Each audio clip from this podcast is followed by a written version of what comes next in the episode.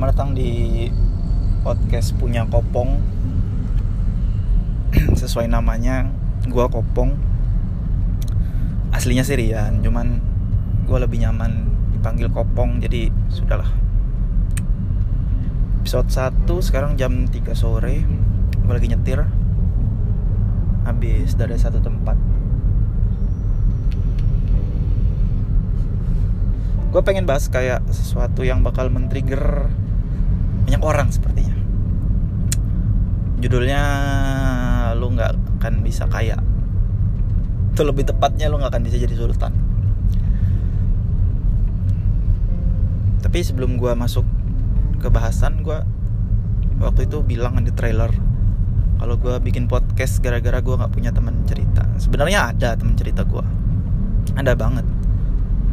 Ah, cuma namanya orang kan kita nggak ngerti. Dan orang itu juga nggak apa namanya nggak akan selalu ada buat kita gitu kan.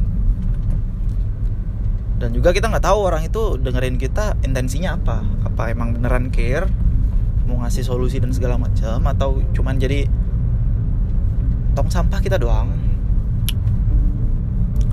Cuman dengerin aja. Tahu nggak peduli gitu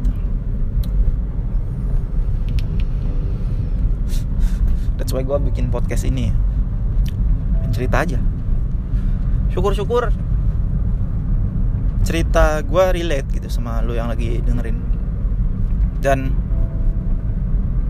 ke pacar gue lagi nggak ada pacar sih bisa gue cerita cerita gini sama pacar gue gebetan. Hmm. menurut gue ya sejauh ini gebetan gue bukan seorang pendengar yang baik. Menurut gue karena gue tahu mana orang yang dengerin gue dengan bersungguh-sungguh atau hanya sekedar gitu-gitu aja. Ngerti banget. Dan dia bukan tipe yang pendengar sebaik itu gitu. Beda kayak ada salah satu mantan gue kayak anjing gue cerita apa pun dia antusias gitu. Lu bisa tau lah dari gestur pertanyaan yang dilontarkan. Misalkan lu cerita apa terus lu apa namanya cerita cerita cerita dia mempertanyakan suatu di cerita lu itu. Lu bisa tahu pertanyaannya tuh genuine beneran dia penasaran atau formalitas. Tapi lu jahat dong pong. Lu banding bandingin cewek ya gimana oh jujur aja anjing?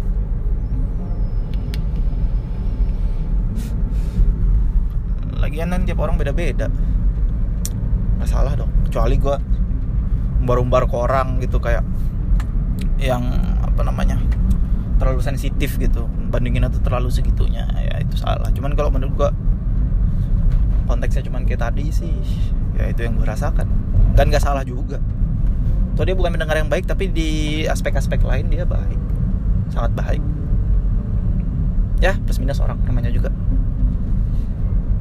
Um, ya. Kenapa lu nggak akan bisa kaya? Atau lu nggak akan bisa kaya nggak bisa jadi sultan. Sekarang gue bukan ngejudge ya karena itu terdengar sangat judgmental sekali gitu. Tapi sekarang realistis aja cuy. Lo yang lagi dengerin ini umur lo berapa? 25 24 20 30 maybe. Umur segitu lagi. Produktif produktifnya lah harusnya kan. Di situ lo bisa ngerti kan? Lo sekarang pendapatan lo berapa? Dalam lima tahun 10 tahun lo bakal ngumpulin berapa gitu? Dengan lifestyle hidup kita yang beda-beda. Katakanlah nih ya lo kerja di umur 25 dengan gaji 5 juta misalnya. Medium lah ya kayak. Dan menurut gue fresh grade segitu udah bagus sih. Terus lu kerja 5 tahun. Kerja 5 tahun setahunnya ngumpulin 60 juta 5 tahun berapa? 300 juta rupiah. Uh, terus lu nanya gini e, tapi kan masih ada tunjangan masih ada duit THR ini itu ini itu. Ya betul cuma lu masa sepanjang tahun kagak liburan kagak ada yang dibeli. Ngerti gak sih maksud gue jadi asumsikan saja lu dalam kehidupan sehari-hari itu pakai duit lu yang gaji pokok ini yang tunjangannya asumsikan lu pakai teh pakai liburan dan bla bla blanya gitu.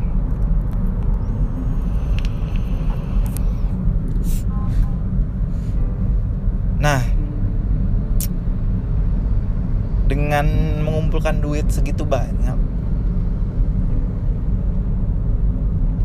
lu kapan jadi sultannya? Ngerti gak sih maksud gue kayak misalnya nih lu pengen beli BMW gitu E90 kayak yang dulu dipunya Gufar Hilman tuh. Tahun 2000 berapa ya? 2004 eh 2005 ke atas kayaknya. Gua masih Beamers newbie gitu. Jadi ntar kalau lu ada yang Beamers kasih tahu ke gua. Itu udah harganya 200 cuy. 200an dan lu beli itu nggak mungkin beli gitu doang. Lu belum perawatan ya lo harus nyiapin 30 juta buat perbaiki deal yang rusak sana sini. Ganti pelok apa segala macem. Lu kapan menikmati yang kayak gitu-gitunya anjing? Ini dengan asumsi lu tidak mendapat kenaikan gaji ya? Dalam lima tahun. Dan dalam lima tahun lu harus nikah kan? Kecuali lu ya menikah ya nggak apa-apa juga sih. Dan faktor inflasi belum dihitung juga kan inflasi di Indonesia tuh kalau nggak salah gue 4,2 persen 5 persen I don't know segitulah. Ini FYI kalau ada info-info kayak gini lu jangan percaya ya. Cuma maksudnya lu cross check lagi anjing. Gue bikin ini nih opini bukan bukan redak bukan redaksional bukan bukan beda kayak kalau gue di Chalkes tuh data yang gue kasih di podcast bener tuh anjing. Kalau di sini mah kagak ini kan cuman pikiran bodoh gue doang katakanlah oh iya ntar ntar Chalkes. Gue bobo Chalkes jadinya. Chalkes tuh podcast gue yang sebelum ini. Nah, masih jalan sampai sekarang. Banyak project yang mau dilakukan sama kita juga. Cuman bedanya kalau Chalkes itu terkonsep banget. Terkonsep mampus lah. Audio mantep. Kita pakai equipment dieditnya pakai Audacity. Pakai Avonic Leveler juga macam-macam lah. Terus konsep kita bikin poin-poin pembicaraan oh nanti arahnya ke sini gini gini gitu.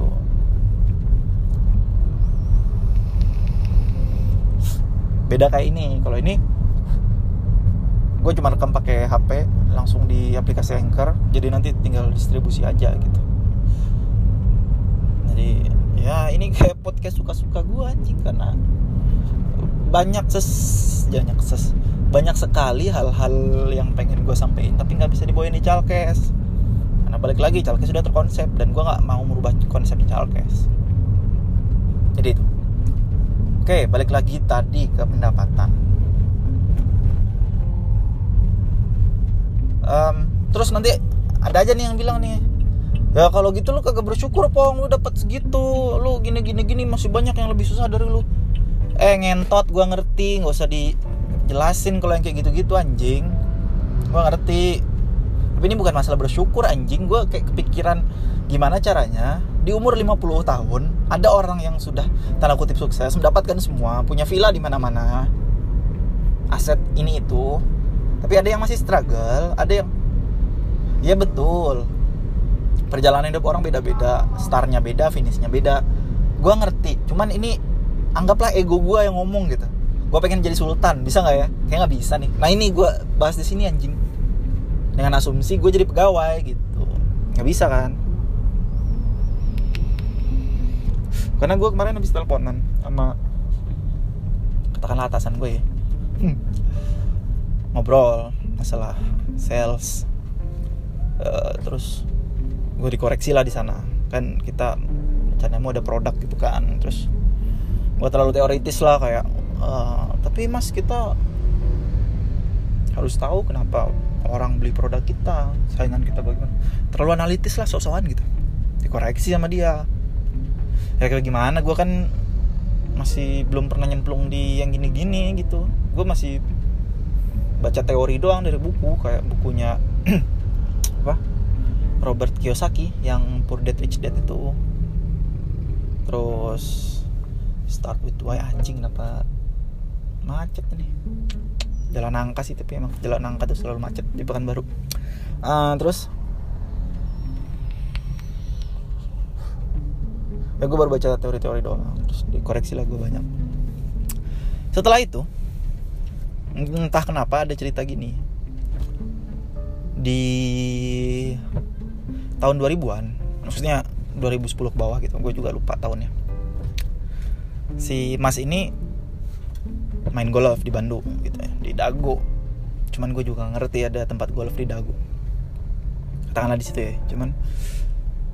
Nah itu dia sama beberapa orang yang sudah establish kerja di oil company gitu. Multinasional. Sebut saja perusahaannya dengan inisial BP gitu. Bukan inisial dong emang nama perusahaannya BP dan beberapa perusahaan lain kayak yang inisialnya A ya kalau lu orang migas lu ngerti lah. Mereka itu udah senior gitu. Udah menempati posisi yang mantep lah. Ya gimana enggak orang udah 30 tahun kerja gitu. Lagi asik main golf terus mereka lihat rumah. Di daerah Dago itu rumah-rumah mewah kan terus dia bilang wah anjing keren nih rumah. Ya katakanlah dia ngomong gitu ya wah anjing nih keren rumah. Biasalah kan babe-babe lihat rumah bagus. Bahkan harga. Ini berapa nih ya rumahnya nih? Di daerah Dago. Kayak Dago Pakar deh yang mewah-mewah tuh. Terus uh, ada yang bilang 5 m ada yang bilang sekian sekian. Kayak di golfnya nyeletuk mungkin ya denger obrolan babe-babe kayak gitu. Wah pak kemurahan segitu mah. Emang berapa harga rumahnya di sini? 15 m buset. Anjing. Semudah gitu kan. Katakanlah kayak gitu ya. Terus hmm, mulailah kan mereka ngitung-ngitung gitu. Pendapatan mereka terus nanti kalau mereka udah pensiun dapat uang tolaknya berapa. Buat lo yang belum tahu kalau misalnya di oil and gas itu ketika lo pensiun dapat uang tolak ya. Ya kayak swasta pada umumnya lah. Kalau PNS kan dapat gaji tetap gitu ya. Hitung hitung hitung hitung dengan pendapatan mereka yang sudah melebihi ya maybe 50 juta 100 Oke pensiunnya sekitar kalau nggak salah ya saat itu 5M 5M cuy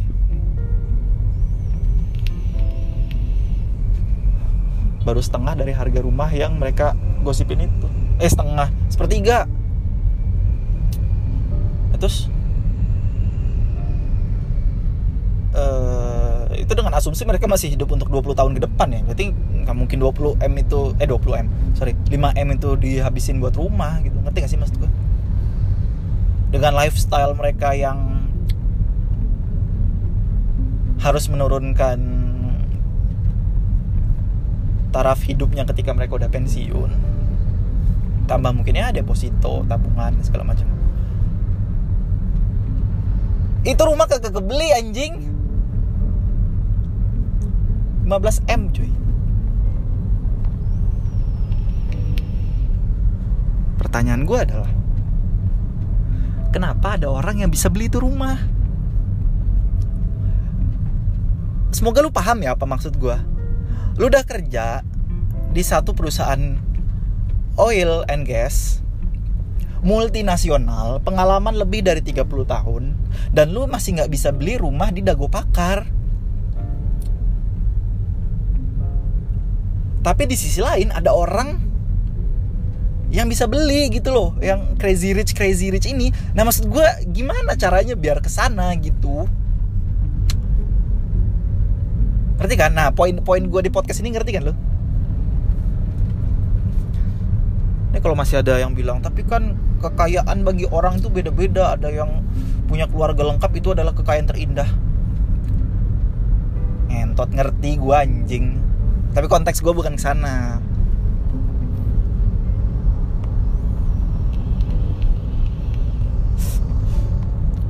Oke balik lagi.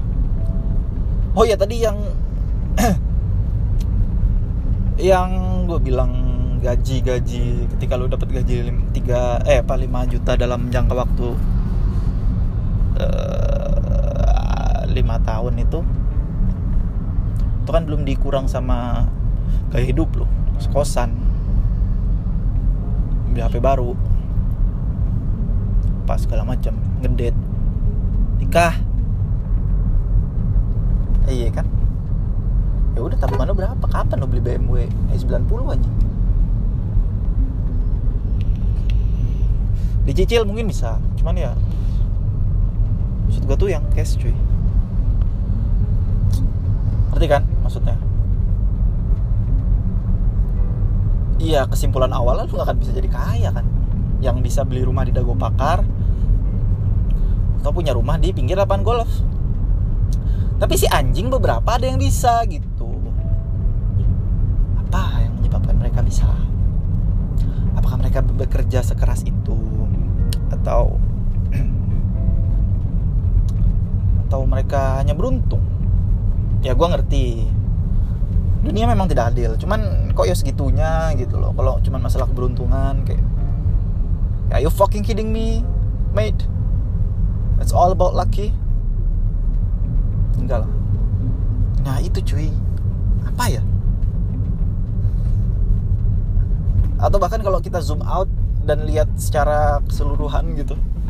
Ada orang-orang kayak Jeff Bezos gitu. Ada orang-orang kayak Gary Vaynerchuk gitu. Ada orang-orang kayak ya Mark Zuckerberg semua orang tahu ya. Hmm. mainstream kalau dijadikan contoh orang crazy rich gitu. Kenapa mereka bisa gitu?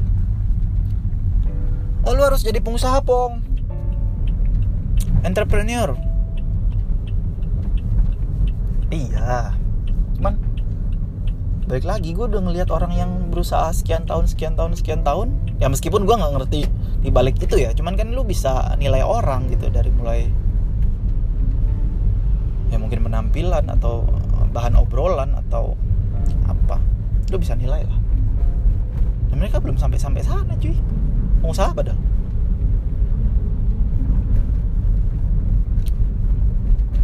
balik lagi. Apa ya? Gue pernah lihat di YouTube sih kayak gimana cara lu dapat duit banyak tuh adalah dengan menghadirkan solusi gitu. Lu dibayar mahal bukan karena bukan karena seberapa kerja keras lu di satu company atau seberapa keras usaha lu untuk orang itu tapi lu dibayar berdasarkan solusi yang bisa lu berikan. Misal siapa? Yang punya Microsoft? Eh Microsoft. Bill Gates. Dia orang tajir mampus kan? Terus ada yang pernah bilang gini nih. Wah gak adil. Itu si Bill Gates kalau dia poya-poya tiap hari juga dalam berapa puluh tahun duitnya nggak habis-habis. Sedangkan masih banyak anak Afrika kelaparan di sana. Uh, kalau nggak salah gini billionaires don't deserve that much gitu. Dia bilang. Dan gue sangat tidak setuju sih cuy. Sekarang gini dah. Itu kagak ada Bill Gates tuh. Kagak ada Microsoft tuh anjing. Mungkin kita 2020 nih masih pakai mesin tik anjing. Atau pakai apa? Pakai Word yang tidak sebaik Microsoft gitu Bill Gates bisa menyelesaikan permasalahan orang-orang di seluruh dunia anjing.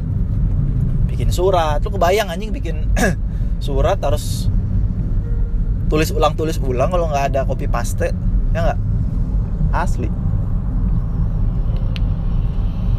Nah berapa permasalahan yang diselesaikan Bill Gates gitu? Jeff Bezos. Bezos tuh bacanya Bezos atau Bezos sih gua? Itulah yang punya Amazon Amazon menyelesaikan permasalahan e-commerce. Lu jadi belanja nggak perlu keluar rumah. Barang yang lu beli ori bagus. Pengirimannya cepat kayak gitu gitulah ya menyelesaikan permasalahan e-commerce. Gitu. Makanya dia bisa jadi billionaire. Tapi apakah solusi doa dan gue pernah baca di baca lagi pernah lihat di YouTube juga. Anjing gue banyak banget referensi YouTube ya. Iya cuy gue kalau misalnya selo gabut-gabut gitu gue pasti larinya ke YouTube. Makanya gue gak punya Netflix gue gak punya streaming streamingan gitu. Nggak punya nggak pernah main game gue sumpah. Game yang gue mainin itu cuma real racing itu juga game standar bukan game ML apa Dota gitu enggak. Gue larinya ke YouTube cuy. Nah di YouTube itu gue nonton um, aduh tadi gue bilang apa lupa nih ntar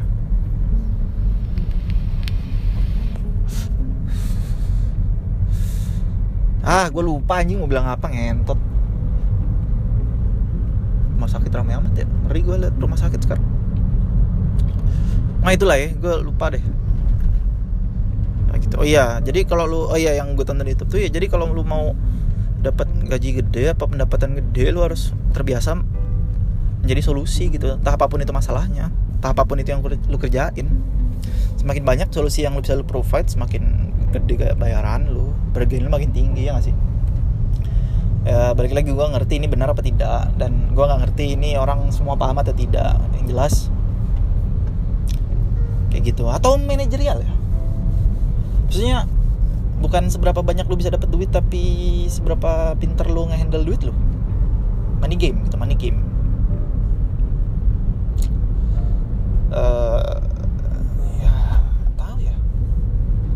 maksudnya lu seberapa pinter ngebagi portofolio lu dan membaginya di beberapa instrumen investasi gitu? Deposito investasi wah oh, pokoknya portofolionya cakep gitu.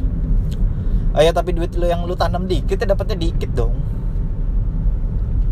Kecuali lu invest di next Google gitu misalnya. Atau di next Facebook.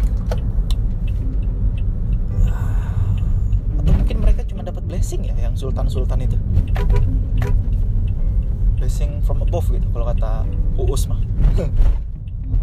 Blessing from above. Jadi sudah mereka hanya ditakdirkan seperti itu. Mana anjing gue gue ngerti lah. Takdir itu ada cuman kita harus ngelawan takdir anjing. Lu mau dilahirkan seperti itu dan mati seperti itu kan kaget. Nah obrolan-obrolan kayak gini salah satu langkah gue dalam lawan takdir tersebut. Gitu. So ya. Yeah mungkin ya kalau kita balik lagi jadi pegawai biasa mungkin sampai botak sampai meninggal nggak akan bisa jadi sultan ya. Cuman mungkin gabungan dari apa namanya manajemen duit lo money games tadi terus terus jadi pembuat MLM gitu yang rantingnya sampai jauh banget terus lu nggak nggak ngaki dapat duit gue ngerti ya. Tapi gue nggak percaya MLM anjing. Ya siapa gitu yang percaya MLM 2020 anjing. Cuman MLM kan sekarang berkedoknya investasi cuy. Investasi investasi. Dalamnya MLM kayak gitulah. Eh balik lagi ntar. Tadi solusi. Jadi mungkin ya jawabannya adalah gimana lu pinter manage duit ya pendapatan lu harus juga gede gitu mungkin entah. So, dari pendapatan dari solusi tadi harus gede. So manage dengan baik dan keberuntungan. Mungkin kombinasi dari tiga itu ya. Dan lu bisa jadi sultan. Terus ada bilang lagi ada yang bilang lagi gini lu obses banget pong sama duit. Gak obses anjing. But that feels good gitu gue gue jujur aja anjing. Ya kan? Jujur aja. Apakah gue bisa mencapai sana? Ya nggak tahu. Realitanya dengan kondisi sekarang 2020 dan apa yang gue kerjain juga enggak sih nggak bisa. Tapi apakah gue menolak eh apa menyerah gitu? Eh, tidak juga. Harus melawan takdir kan ya mungkin itulah. Ini udah berapa menit ya gua rekam? Gua rekam sudah 24 menit. Wih mantap. Apa lagi ya? Udah cuy kalau mau keep in touch sama gue di Instagram. Kalau ada yang denger anjing. Paling gak ada yang denger. Karena gue baru merilis episode ini. Yang tahu cuma close friend gue di Instagram. Ya mungkin lu yang denger entah tahu entah lu close friend gue atau ya kayak coming out of nowhere dari Spotify gitu. Apa namanya? Dari uh, suggestionnya Spotify gue ngerti. Cuman ya thank you dan thank you yang udah dengerin bacotan gue sampai jumpa di episode selanjutnya kalau gue mau bikin. Tai lu semua. Ciao